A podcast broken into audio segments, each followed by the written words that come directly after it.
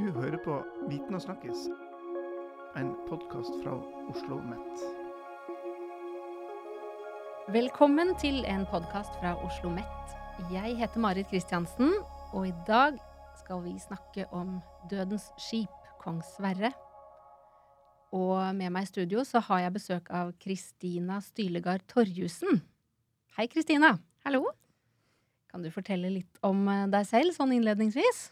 Eh, ja, det kan jeg. Eh, jeg er 26 år og bor i Moss. Og så studerer jeg til å bli eh, lektor i historie på Universitetet i Sørøst-Norge.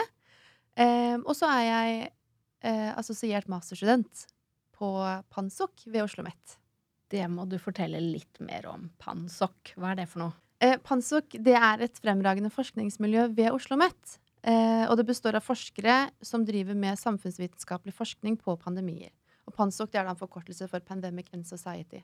Eh, så jeg, jeg, driver med historie, og så er det andre som driver med demografi. Men det er pandemi da, som er på en måte fellesnevneren for uh, forskningen der. Hvordan kom du i kontakt med, med PANSOK og miljøet på Oslo OsloMet? Du studerer jo ved et annet universitet? Ja, eh, det var eh, min veileder, Ole Georg Moseng, på, eh, ved USN, da som er universitetet jeg går på, som eh, kjente Sven Erik Mamelund, som er eh, sjefen for Pansok, veldig godt. Eh, og da jeg bestemte meg for at jeg skulle skrive en masteroppgave om pandemi og spanskesyken, som er et felt hvor Sven Erik er helt i fronten, så anbefalte han meg å ta kontakt med Sven Erik Mamelund og høre om han kanskje også vil hjelpe meg litt med oppgaven, om jeg hadde noen ideer til oppgave osv. Eh, og vi ønsket også å få han som biveileder. Og når han da ble min eh, biveileder, så spurte han også om jeg hadde lyst til å være en del av Pansok. I, ja, i sammenheng med at eh, jeg skriver om et, eh, et, tema som er relevant da, for eh, forskning, forskningen på Pansok. Ok. Men da blir jeg jo litt nysgjerrig på hva det er du skriver masteroppgave om. Ja, kan du fortelle jo... litt om det? Ja, klart det. Eh, som du sa, så har jeg jo kalt den for Dødens skip eh, denne oppgaven, på en måte. Det var et skip som lå utenfor Horten, som het Kong Sverre. Eh, et militær, militært øvelsesskip og losjiskip. Um, og under spanskesyken i 1918 så var det et voldsomt utbrudd der. Uh, så det jeg prøver å finne ut av da, i min oppgave, er hvorfor det var så mange som døde på dette skipet. For det var flere som døde her enn andre steder i landet og på andre militære skip. Så det var noe spesielt som skjedde på dette skipet. Eh, så jeg prøvde å finne ut av hva var det som skjedde her. Hvorfor var det så mange som døde? Ja. Men hva slags skip var dette egentlig? Det var hovedsakelig en fregatt eh, som ble ferdig i 1864. Og da den ble ferdig, så var det eh, Den var den mest utvikla eh, Konstruksjonen av skipet var det, det best utvikla eh, treskipet i i den norske marinen. Men den ble bare brukt én gang, for pga. borgerkrigen i USA så hadde teknologien utviklet seg såpass mye at den var helt teknologisk utdatert. Så den fikk være med på ett eh, på én tur, og så ble den lagt eh, i land. Eh, og der lå den i 30 år uten noe særlig vedlikeholdsarbeid. Eh, lå egentlig bare og råtna. I 30 år på land, i Horten, da, ved mm, leiren der som heter Karl Johans Svern. Eh, fram til 1894. Og da ble den brukt som losjiskip for eh, rekrutter som skulle inn i marinen. Så da hadde de en sånn rekruttperiode på seks uker hvor de bodde på dette skipet. da. Oh, ja. Ok, la meg bare forsøke å, om jeg fikk dette her riktig. Ja. Så dette skipet fikk én tur mm. til sjøs, og lå deretter til havn. Forfalt i 30 år, og så ble det brukt som et sånn slags eh, losji-innkvarteringsskip eh, for rekrutter. Var det sånn det var? Ja, den lå ikke i havn, den lå på land. Men annet enn det, så var det det som skjedde. Akkurat. Så den lå på land. Mm. Um, hvor mange rekrutter var om bord? Det var et maksantall på eh, Kong Sverre og et annet litt mindre skip som på en måte eh, jobb, hadde samme funksjon som Kong Sverre, og som lå ved siden av, som het Desideria. De to sammenlagt var et mye, altså Desideria var et mye mindre skip, men de to sammenlagt hadde eh, maksim, maksimalt 700 om bord. Ja. Eh, på den I den perioden som jeg skriver om, høsten 1918, da var det 517 om bord på skipene. Ja. Mm. Og hva var det som skjedde? Det er det jeg prøver å finne ut av, da. Eh, nå, jeg har ikke fullført masteren min, det gjør jeg ikke før i mai, men jeg har gjort ganske mange funn allerede. Eh, og det er mange faktorer som spiller inn. For det første så var eh, spanskesyken en litt spesiell influensa. Den vanlige sesonginfluensaen som vi kjenner til, den pleier jo å angripe de yngste og de eldste i samfunnet hardest. Men denne influensaen den angrep de unge voksne hardest. Så de mellom eh, rundt 20 og 40, det var de som døde hyppigst da, under den her. Så allerede der så har vi jo en biologisk årsak til at mange døde. For disse rekruttene var jo tidlig i 20-årene, eller sent i tenårene, men av de jeg har funnet, så har det vært tidlig 20-år på alle. Um, så derfor er de jo utsatt til å begynne med, uten at skipet har noe med det å gjøre. I tillegg så var det veldig mange som døde av um, en ettersykdom. Uh, og det var særlig bakteriell lungebetennelse som var dødsårsaken. For da hadde de blitt såpass svake av spanskesyken, så når de da fikk den bakterielle lungebetennelsen i etterkant, rett, rett etterpå, så var det den som tok flest liv, da. Eh, og det var det også. Det var også bakteriell lungebetennelse om bord på skipet blant disse rekruttene. Eh, så på grunn av det også, så var det selvfølgelig mange som, som døde av den. Um, og det siste er at, og det her har vi jo lært fra pandemien vi er i nå, eh, at når det er mange mennesker tett på hverandre, så er det klart at mange vil bli smitta, og derfor vil jo også flere dø. Så disse tre er de naturlige årsakene som på en måte ikke har noe med skipet eller eh, administrasjonen i seg selv å gjøre man kan kanskje si at noe av administrasjonen var pga. tettheten av, eh, av, folk, da. Men det, ja, det er også en annen årsak hvordan de håndterte det. Men disse tre årsakene er jo noe som var naturlig, som man ikke kunne styre på like på samme måte som de andre årsakene. Men er det noen andre årsaker? Altså, da kommer vi jo mer inn på sånne samfunnsstrukturer eh, som kan ha påvirket eh, situasjonen og hvorfor det gikk så galt med mange av disse rekruttene som ble smittet? Ja. Eh, årsaker som var på Da mener du de som, hva som skjedde der konkret? Som var spesielt for skipet? Ja, eller det du måtte ha funnet så langt ja. Eh, i arbeidet ditt. Ja, det snakker jeg gjerne om. Eh, det som eh, det var, altså Spanskesyken hadde et, i hovedsak, i hvert fall i Norge, tre bølger. Det var også en fjerde bølge som var et år senere, men den er ikke relevant for denne oppgaven. Eh, så da den første bølgen kom på sommeren, så var sykdommen veldig smittsom, men det var ikke så veldig mange som døde. Og den, eh, denne bølgen ble man også påvirket av på skipet. Så man hadde jo da erfaring fra den første bølgen. Eh, den, var, dette var i juli, eh, og i juli så var det 300 som ble smittet, og det var kun én som døde. Eh, så da fikk eh, lederne for skipet eh, beskjed fra Forsvarsdepartementet at dersom det skulle komme en ny bølge, så kan dere gjøre akkurat det samme. For det her fungerte jo ganske bra første gangen. Så da hadde du den erfaringen da, med seg. Så når den andre bølgen kom, den jeg fokuserer på som da var i oktober 1918, så gjorde de det samme. For det hadde de fått beskjed om, og det fungerte jo greit på sommeren. Men den, eh, det viruset som kom på høsten, var ganske mye mer aggressivt enn det som var på sommeren. For på eh, høsten så det var, I Norge da, så var det 15 000 som døde totalt. 10 000 av de døde i løpet av denne høsten. Så det var den som tok flest liv. Um, så man kunne jo ikke Selv om det gikk greit på sommeren, så var det klart at disse, de tiltakene man satte i gang da, ville jo ikke hjelpe like mye på høsten. Så man, eh, blant annet så lagde de Eh, provisoriske sykehus som bor på dette litt mindre skipet Desideria, som lå ved siden av. Og der var det 81 sengeplasser. Og de syke og de friske ble da skilt med en seilduk. Så det var på en måte isoleringen. Ja, Men, Bare et stykke stoff, rett og slett? Ja, rett og slett. Ja.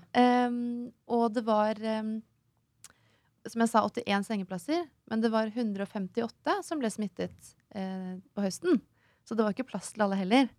Eh, og det har også blitt Det ble klaget i Det ble skrevet noen ganske kritiske artikler i etterkant av den av andre bølgen, eh, hvor annet en rekrutt eh, uttalte seg, og, og, han sa at det var veldig, veldig tett. At, var, at det var, eh, at var altfor liten plass for alle menn om bord på skipet.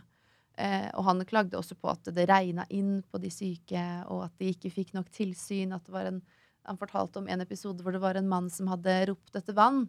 Eh, helt til blodet sprutet ut av munnen hans uten at noen hadde kommet. Og han til slutt måtte ende med å gå, altså nesten krabbe seg ut på gangen for å få tak i dette glasset med vann, da, for han lå jo der og var sjuk. Um, så det viser også, også, til at det var jo ikke bare plassmangel, det var jo også da kan ha vært, i hvert fall ut ifra hans, denne rekruttens eh, uttalelser, så var det ikke nok folk til å passe på de syke heller. For det var jo ganske mange som var syke på en gang. Mangel på helsepersonell, i hvert fall. Mhm. Mhm. Så de gjorde tiltak rundt det her. Eh, på, og da er det ikke bare snakk om på skipet, men også på, på eh, det militære sykehuset i land, da, i, på Karl Johan. Karl Johans vern, mener jeg. Em, så da eh, fikk de kalt inn ni sivile sykepleiere og eh, noen underoffiserer, så det var totalt 18 som ble tilkalt. Men de kom jo ikke på sekundene idet folk begynte å bli syke. For de innså ikke alvoret før det hadde gått to uker nesten eh, med smitte. Ja. Og da måtte de tilkalle. Så da kom jo de litt senere enn det igjen også. Så i begynnelsen her den, eh, det altså Utbruddet begynte eh, den 3. oktober. Det var første gang noen ble smittet. Det var i innrulleringsperioden. Eh, og så 5. oktober, da var det 11 som ble smittet. Og 7. så var det 35, og så var det 36 nye igjen den 8. Så det balla jo veldig på seg der. Mm. Em, så når alle de lå syke, da var det over 100 som lå syke. Og det var, jeg tror det var fem stykker som var blitt lagt inn på sykehuset. Eh, da hadde de ikke tilkalt noen ennå. Så da var det jo få igjen. Det er vel naturlig å tenke at i og med at dette var rekrutter, at dette var eh, menn i sin beste alder og mm. i god fysisk form. Ja, det er absolutt å tro. Og det var, eh, eh, det var i litt i overkant av 600 som ble kalt inn. Men det var 88 som ikke, ikke mm, eh, ble godtatt, da. At de, de, mm, fikk, de kom ikke gjennom de medisinske testene, rett og slett. Så det var jo eh, 88, nesten 90, som ikke ble godkjent. Og det betyr jo at de 517 som var igjen, har blitt godkjent, og dermed også bør ha vært i god form. Mm. Men det, var ikke, det hadde ingenting å si under spanskesyken. For de riktig. var mest utsatt, rett og slett. Ja. Mm. Hvordan, hvis man sammenligner eh, eh, dødsprosent eh, med øvrig befolkning, hvor store forskjeller snakker vi egentlig om? Det, eh, vi har jo ikke tall på hvordan det var i hele Norge. Eh, man, for det første så er det forskjell på å være smitta og være symptomatisk smitta. Det har vi også sett nå, at man kan jo gå rundt med smitte uten å vite det. Og man hadde jo på ingen måte den samme muligheten for å teste seg i 1918 om man var smittet eller ikke. Men i Bergen så har man i hvert fall eh, veldig troverdige tall på hvor mange som ble symptomatisk smitta. De som hadde symptomer og var tydelig smitta. Og under den andre bølgen så var det eh, 2 av de som ble smittet, som døde. På Kong Sverre så var det 27% av de som ble smittet, som døde. Så hver tredje som fikk eh, symptomer på smitte, de døde av sykdommen. Og det er ingen tall som kan måle seg med dette av det jeg har funnet, og jeg har lett.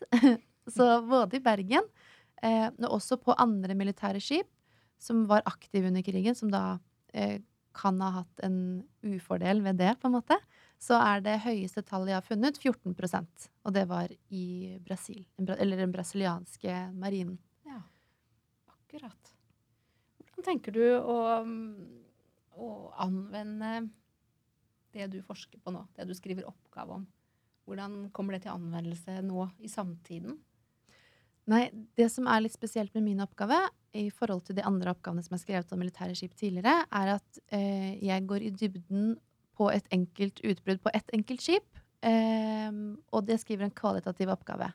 Tidligere forskning har vært, på, har vært mer kvantitativt, at man har vært litt mer overordna og sett på tall. Eh, mens jeg går litt mer inn i dybden og ser på ting som blir gjort der. Eh, tiltak og, og jeg har jo notater fra eh, sanitets... Marinens sanitetssjef, Carl Ludvig Manti. Så jeg får også sett hva han tenkte når han gjorde de forskjellige Da han gjorde de forskjellige tiltakene og, og avgjørelsene da, som han gjorde underveis. Eh, så på den måten så er min oppgave skiller seg ut derfra. Eh, men den kan jo også bli brukt og på grunn av dette så kan den jo også bli brukt med tanke på beredskap eh, til senere pandemier. da, For man så at de var jo ikke forberedt i det hele tatt her. De hadde i forkant av det utbruddet så hadde de vært en, det vært en lang diskusjon rundt eh, om man skulle ha epidemilasaretter i Horten. Og da bestemte den komiteen som, som skulle bestemme, da, de bestemte seg for at mellom 1,5 og 2 promille av befolkningen var de som kom til å trenge eh, sykehusinnleggelse. Og i Horten så var det 10 000 mennesker som bodde, så de la opp til at mellom 15 og 20 kom til å trenge sykehusinnleggelse. Eh, og det var jo ikke Det stemte ikke, det, i 1918. Det var ganske mange flere som hadde behov for det. Um, så man kan jo da trekke ut ifra Man kan jo trekke noe av beredskap osv. ut ifra det jeg skriver nå, og også at, eh, at man er, man er veldig mange samlet på ett sted. At det vil selvfølgelig få eh, At det vil gi resultater da, på, på smittetallene. Um, ja, det er nok noe mer jeg kunne sagt her som var lurt nå, men jeg kommer ikke på noe mer akkurat nå. Nei, men da, jeg jo, jeg lurer jo da også på um, Når var det du bestemte deg for å skrive en oppgave som skulle dreie seg om pandemi? Da jeg skrev bachelor i Det var i starten av 2020 så hadde jeg allerede bestemt meg for å skrive om noe sykdomsrelatert, pandemirelatert da. Eh, så da valgte jeg å skrive om eh, pest ja. i tidlig moderne tid. Um, og så hadde jeg også noen valgfag i mellomtiden her, eh, hvor jeg skulle skrive semesteroppgaver som masterstudent. Og da skrev jeg om spanskesyken i mitt nærområde, i Moss og omegn. Eh, og jeg syns det er veldig veldig spennende. Jeg syns sykdomshistorie er kjempespennende. Eh, og så var jeg veldig fornøyd med veilederen jeg hadde. Eh, og han ville ha med meg videre eh, når jeg skulle skrive master. Så jeg tenkte at jeg må holde meg til spanskesyken. Og da hadde jeg jo levd i en pandemi. I, eh, da jeg begynte med det, så hadde jeg levd i det i halvannet år. Eh, og så jo mange likhetstrekk når jeg leste da om spanskesyken i Moss og omegn i forkant, og jeg syntes det var veldig spennende. Mm. Og når Ole da, Ole Georg Moseng, min eh, veileder, sa at eh, vi, vi, vi, prøver å få med Svein Erik Mamelund på laget, så var det ingen tvil. For han ville jeg gjerne ha med meg. Eh, så da når vi da fikk kontakt, og, det, og han hadde jo Svein Erik Mamelund var han som kom med ideen om å skrive om dette skipet. Og det syns jeg virka veldig spennende. Og så på en måte gå i dybden av, av ett utbrudd ett lite sted, og få masse detaljkunnskap om én ting. Eh, og som, ja, grave meg ordentlig ned der. Det syns jeg også høres veldig interessant ut. da. Mm. Så Derfor valgte jeg å skrive om akkurat dette skipet, og om pandemi. da. Hvordan syns du det er å være masterstudent og jobbe inn mot et eh, fremragende forskningsmiljø? Det, jeg syns det er veldig spennende. Eh, jeg jobber 100% som lektor i tillegg, så jeg får jo ikke brukt all tiden min på masteroppgaven, selv om jeg gjerne skulle ha gjort det. Eh, men jeg syns det er kjempespennende, og jeg syns det er veldig interessant å jobbe med en historisk master. At jeg må ned i arkivene for å finne informasjonen jeg trenger. Eh, for det fører jo til at det blir en form for skattejakt da, når jeg jobber. For da leter jeg etter et, det kan være et bestemt tall eller en uttalelse eller ja, et eller annet. Og så drar jeg til Riksarkivet og leter, og så blar jeg gjennom 1000 ark før jeg finner den ene informasjonen som er interessant. Eh, så det, så det, er så mye mestringsfølelse i det. Veldig spennende. Um, og så det at jeg er assosiert masterstudent med Pansok, gjør jo også at jeg får mange gode kontakter. Jeg får et nettverk som er veldig viktig for meg. Uh, jeg har vært med på flere webinarer og uh, seminarer uh, som har ført til at jeg har fått gode kilder jeg ikke hadde funnet. Eller også gode synspunkt og gode tips som jeg får da fra disse forskerne som er veldig flinke i det de driver med. Som gjør at jeg også utvider um, ideene mine og tankene mine og får en mye bedre forståelse av det å skrive en masteroppgave og hvilke kilder jeg bør ha med, og hvordan jeg skal tenke rundt problemstillingene mine osv. Så, videre. så jeg tjener jo masse på å være en del av, av, det, av det, miljøet der, da. Hvordan tar du dette med dine egne elever, da? Er det, får de ta del i dine historiske metoder og graving i arkiver? Vi har ikke gjort det ennå. Eh, for jeg har underviser i to historieklasser, og ingen har kommet over 1900 ennå. Vi er ikke på 1900-tallet, vi er på Ismer på 1800-tallet, så jeg har ikke kommet dit. Men jeg vet at jeg i hvert fall skal holde en, en god presentasjon om spanskesjuken når vi nærmer oss uh, første verdenskrig. Og, når, når, og, når, de skal skrive en litt sånn fordypningsoppgave senere i semesteret, så kommer jeg til å bruke, eller lære om mine metoder, sånn at de også kan få en litt sånn dypere forståelse av, av metoden i historiefaget. Da. For det er de jo nødt til å kunne når de da skal skrive egne fordypningsoppgaver. Mm. Mm. Så jeg har planer om det. Ja, så herlig. Eh, hva tenker du nå eh, Hva er eh, den største utfordringen du står i nå med oppgaven din? Det som er at når jeg først begynner å skrive, så skriver jeg veldig mye og jobber veldig intenst. Og så må jeg kanskje gjøre noe annet, f.eks. noe pansok-relatert eller noe jobbrelatert. Og når jeg da faller bort, så blir terskelen litt høy for å komme, begynne å jobbe igjen. Eh, så, men det går ikke på motivasjon, for jeg syns det er veldig spennende. Det er litt det å bare sette seg inn og vite at Når jeg setter meg ned nå, så kommer jeg til å sitte her i åtte timer før jeg føler meg fornøyd med dagen. Og da eh, Derfor blir terskelen litt høy, da. Mm. Men jeg er på god vei, og jeg har, jeg har skrevet ca. halve oppgaven.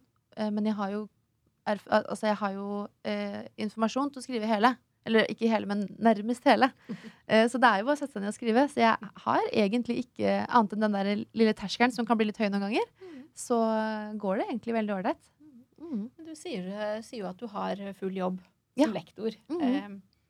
Eh, hvordan har det vært, og hvordan er det å kombinere full jobb, full stilling, med masterstudier? Nei, jeg har tatt meg litt vann over huet. Det er det ingen tvil om. Det blir, det blir lite venner og familie det året her. Eh, Det blir mye jobbe til fire, komme hjem og sette seg ned og skrive eller lese eller ja, et eller annet. For det er jo både eh, jeg, jo, jeg, jeg sa at jeg var lektor, jeg er jo ikke det før jeg har levert den oppgaven her. Eh, Jeg går jo under adjunkt, men jeg jobber jo på en videregående skole med, med fagene jeg har utdanning i, da. Så og selv om jeg har utdanning i disse fagene, så er jeg jo helt fersk. Jeg er jo ikke ferdig ennå engang. Så jeg er jo nødt til å lese meg opp på nesten alt jeg skal undervise i. For jeg kan jo selvfølgelig en del om det, men for å kunne ha god nok kunnskap og kunne mer enn elevene jeg skal lære det videre bort til, så er jeg nødt til å kunne mye mer enn de. Så det holder jo ikke bare å lese boka, jeg må jo lese på nett og i mine egne bøker også. Det er veldig mye tid som går til å planlegge undervisning og rette, rette ja, eh, prøver eller fremføringer eller ja, hva som helst. Så det er, er strevsomt. Men jeg koser meg veldig med alt jeg gjør. Ja. Jeg syns det er gøy å være lærer, jeg synes det er veldig gøy å skrive og morsomt å være en del av Pansok. Så alt er jo lystbetont. Om det er litt mye. Jeg skal innrømme at jeg er veldig imponert. Det Ja. jeg si. Hva er veien fremover nå utover våren, da? Med masteroppgaven. Em, nå skal jeg ha et strategimøte med veilederne mine nå ganske snart. For jeg har skrevet flere kapitler, men vi må få et, eh, en struktur på det. Uh, og så må jeg også ha en form for diskusjon uh, avslutningsvis. Og resultatbit som jeg er litt usikker på. For jeg, av det jeg har gjort til nå, så har metodedelen vært veldig ålreit. For da skriver jeg bare om funnene mine. Men jeg må sette det i noen systemer her, og få, det, og få strukturen på, i orden, da. Så det er jo det vi skal gjøre nå om et par uker. og få litt sånn Å lage skjelettet litt tydeligere på oppgaven min. Spennende. Mm. Da gleder jeg meg til å lese den når den er kommet eh, ut av printeren Ja. til våren. jeg må bare avrunde med å si uh, takke deg for at du tok deg tid i din kjempetravle hverdag til å komme hit og fortelle om uh, pandemiforskning og livet som masterstudent. Og så takker jeg til lytterne som hørte på denne episoden i podkastserien fra Oslo Met. Og tusen takk for at du ville ha meg her. Det var veldig morsomt. Veldig hyggelig.